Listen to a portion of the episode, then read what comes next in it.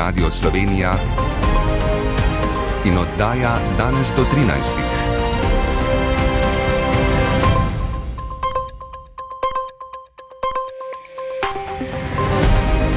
Ura je 13.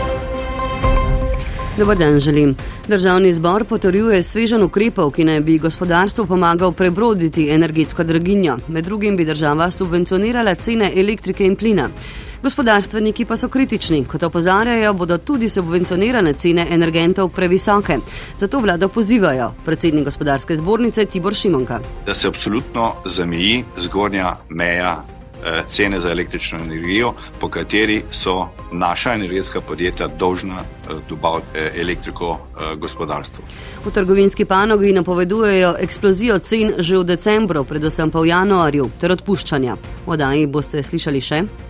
Banka Slovenije občutno znižala napoved gospodarske rasti, inflacija letos 9,3 odstotna. Nov val ruskih raketnih napadov na Ukrajino, številna mesta brez elektrike na pohodu gripa in druga respiratorna obolenja. Deževno bo po noči v notranjosti sneg do nižin. Z vami sva Barbara Zupan in Tatjana Popovič. V državnem zboru danes razpravljajo o predlogu zakona o pomoči gospodarstvu za omilitev posledic energetske krize, ki med drugim predvideva subvencionirane cene elektrike in plina. Da zakon glede na zdajšnje cene predvideva premalo pomoči, se strinjajo tako predlagatelji kot opozicija.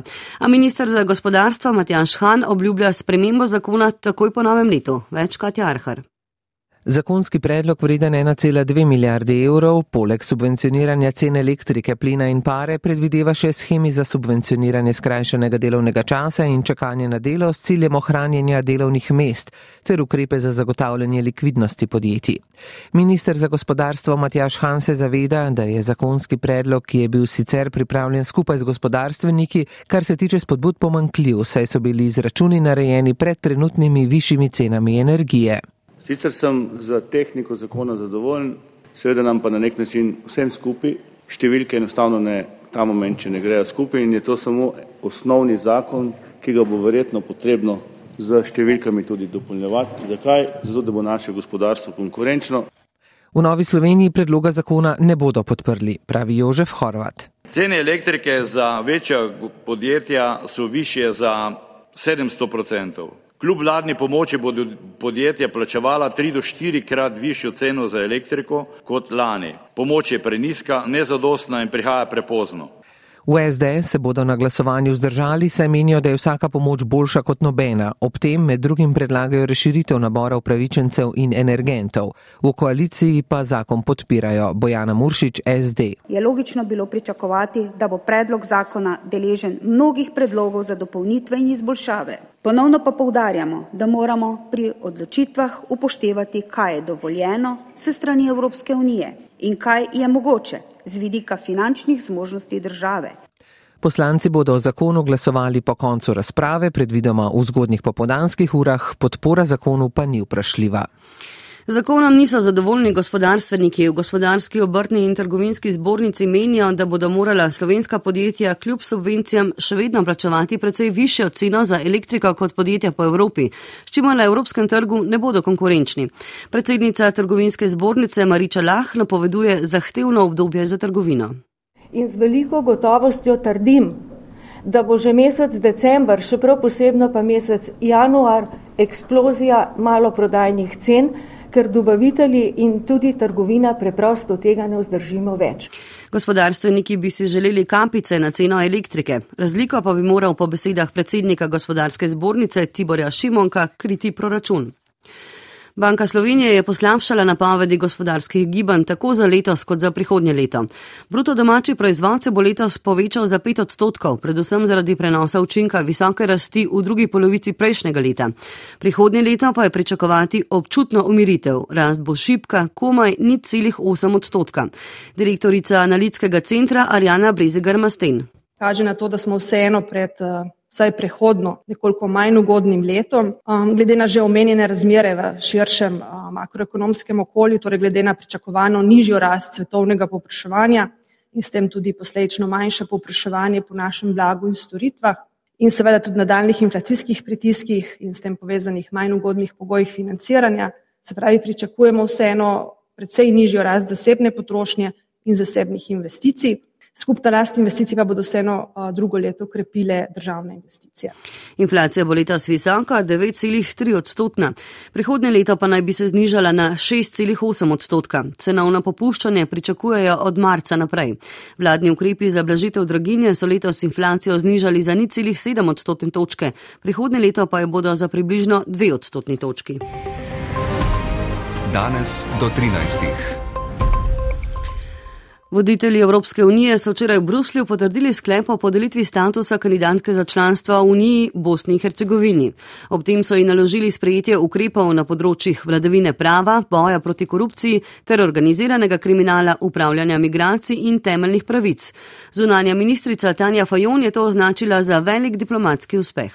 Je pa to zdaj trenutek, da tako Bosna in Hercegovina kot Evropska unija izkoristita priložnost za nek svež nov zagon v reformah, v angažmaju, v odgovornosti, ki jo ima zdaj država, vsi akteri v Bosni in Hercegovini, da izvajo te ključne reforme. Kot je še podarila ministrica, gre za pomembno politično sporočilo celotnemu Zahodnemu Balkanu v luči brutalne vojne v Ukrajini, da ga Evropska unija ne pušča za seboj.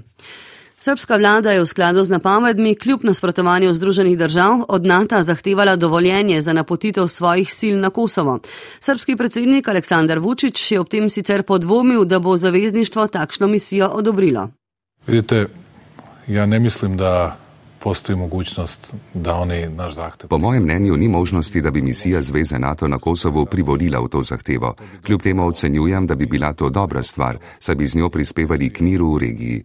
Pripomoglo bi k popolnoma drugačnemu dojemanju prihodnosti in možnosti iskanja kompromisnih rešitev.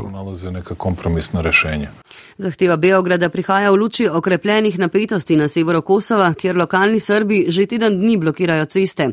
Vučić je ob tem še ponovil, da Srbi na Kosovo zahtevajo izpustitev tistih, ki so bili protipravno pridržani. Njihova druga zahteva pa je, da posebne enote kosovske policije ne prihajajo na sever Kosova brez privolitve štirih županov večinsko srpskih občin na severu Kosova in Kforja. Ruska vojska je sprožila nov val raketnih napadov na skoraj celotno Ukrajino. O eksplozijah med drugim poročajo iz Kijeva, Harkova in Krivega roga. Novi napadi na ukrajinsko kritično infrastrukturo so prekinili dobavo elektrike in vode številnim prebivalcem. Poročajo o najmanj 12 smrtnih žrtvah in več ranjenih. Kljub zmanjšani intenzivnosti bojev vzdolž frontne črte ukrajinska vojska v začetku novega leta pričakuje novo obsežno rusko-kopensko ofenzivo, saj se končuje usposabljanje 300 tisoč mobiliziranih vojakov. Carigrad so sinoči preplavili protesti v podporo županu Ekremu Emamogluju iz opozicijske republikanske ljudske stranke. Zaradi izjav, ki jih je režim predsednika Redžepa Taipa Erdogana razumel kot žalive, so mu namreč prisodili dve leti in sedem mesecev zaporne kazni ter prepoved političnega delovanja in ga s tem izločili iz tekme na predsedniških volitvah predvidenih za prihodnje poletje. Več Luka Robida.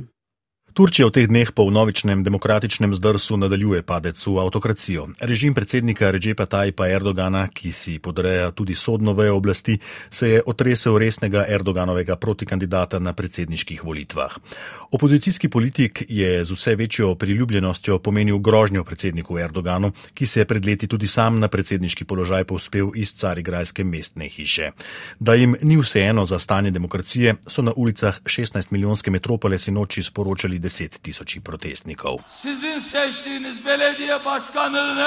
Vladajoča stranka je poskrbela za obsodbo, ki naj župana, ki ste ga izvolili, spravi za zapahe. Je zbrane nagovoril Imamoglu in spomnil, da so sodnika, ki se ni želel ukloniti na reko oblasti, nadomestili z bolj poslušnim sodnikom. Da hočejo pravno državo, zaščito svojih pravic in politične izbire, je bilo slišati na protestih, kjer so spomnili, da si je Erdogan sistematično polastil vse družbene podsisteme. Župan turške kulturno-gospodarske prestolnice si je jezo predsednika nakopal spomladi pred tremi leti, ko je na županskih volitvah porazil tesnega Erdoganovega sodelavca. Zapletlo se je, ko so takrat zahtevali unovično glasovanje, kjer je Imamoglu še enkrat zmagal z naskokom, oblasti pa označil za idiotske in posledice te opaske so ga zdaj strle v sodnem mlinu. A si nočni vzdušje v poplavi protestnikov daje slutiti, da je Erdogan z onemogočenjem politične konkurence na predsedniku predsedniških volitvah tokrat morda dosegel prav nasprotni učinek od želenega. Sezona gripe se je leta začela občutno prej kot v minulih letih, na kar je vplivala tudi epidemija COVID-a, ko je bilo zaznanih primerov gripe manj ali jih skoraj ni bilo. Imunost ljudi se namreč ustvarja sezono prej, na podlagi tega se ustvari tudi cepivo, ki pa je, kot zagotavljajo na Nacionalnem inštitutu za javno zdravje, popolnoma prilagojeno in ustrezno. Stroka sicer ob tem opozarja tudi na povečevanje števila COVID-nih obolenj. Več Mateja Bražan. Podatki Nacionalnega inštituta za javno zdravje kažejo postopno poviševanje števila pacijentov zaradi akutnih okužb dihal in gripi podobnih bolezni. Zdravniki v Piranskem zdravstvenem domu poročajo, da ima med bolnimi skoraj polovico gripo, druga polovica pa COVID ali druga prehladna obolenja. Tudi v Izoli opažajo porast sezonskih prehladnih obolenj, je pa laboratorijsko potrjenih primerov gripe za zdaj malo. Z laboratorijskimi analizami vzorcev so začeli tudi v Koperskem zdravstvenem domu vršilka dožnosti strokovne direktorice Ljubica Kolander Bizjak. Nas je malo prehitelo, z vzorci smo začeli ta teden in bomo imeli tudi prve rezultate. Ampak klinični znaki in simptomi govorijo o tem, da skoraj sigurno okuženi z virusom gripe. Zgodaj se je leto začela tudi sezona respiratornega sintetijskega virusa.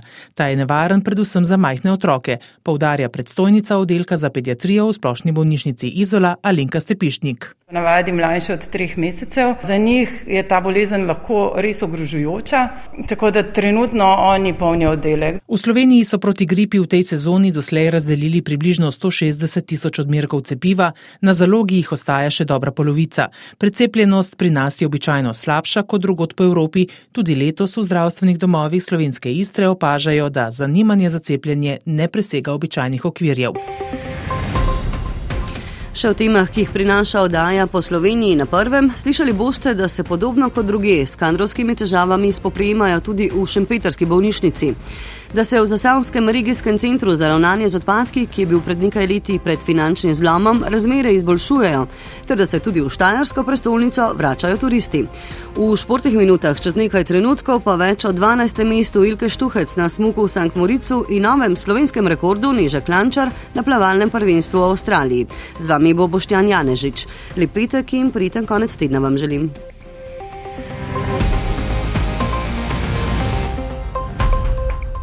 Današnji dvojni spored alpskega smučanja so zaznamovale slabe vremenske razmere. Moški supervele slalom v Valgardeni so prireditelji svetovnega pokala zaradi goste megle odpovedali, z nekaj težavami pa so uspeli izpeljati ženski smuk v Sankt Moricu, v tretjem smuku alpskih smučark več Marko Polak. Sneženje in gosta megla sta prireditelje ženskega smuka prisilili, da so start pomaknili za 150 višinskih metrov nižje.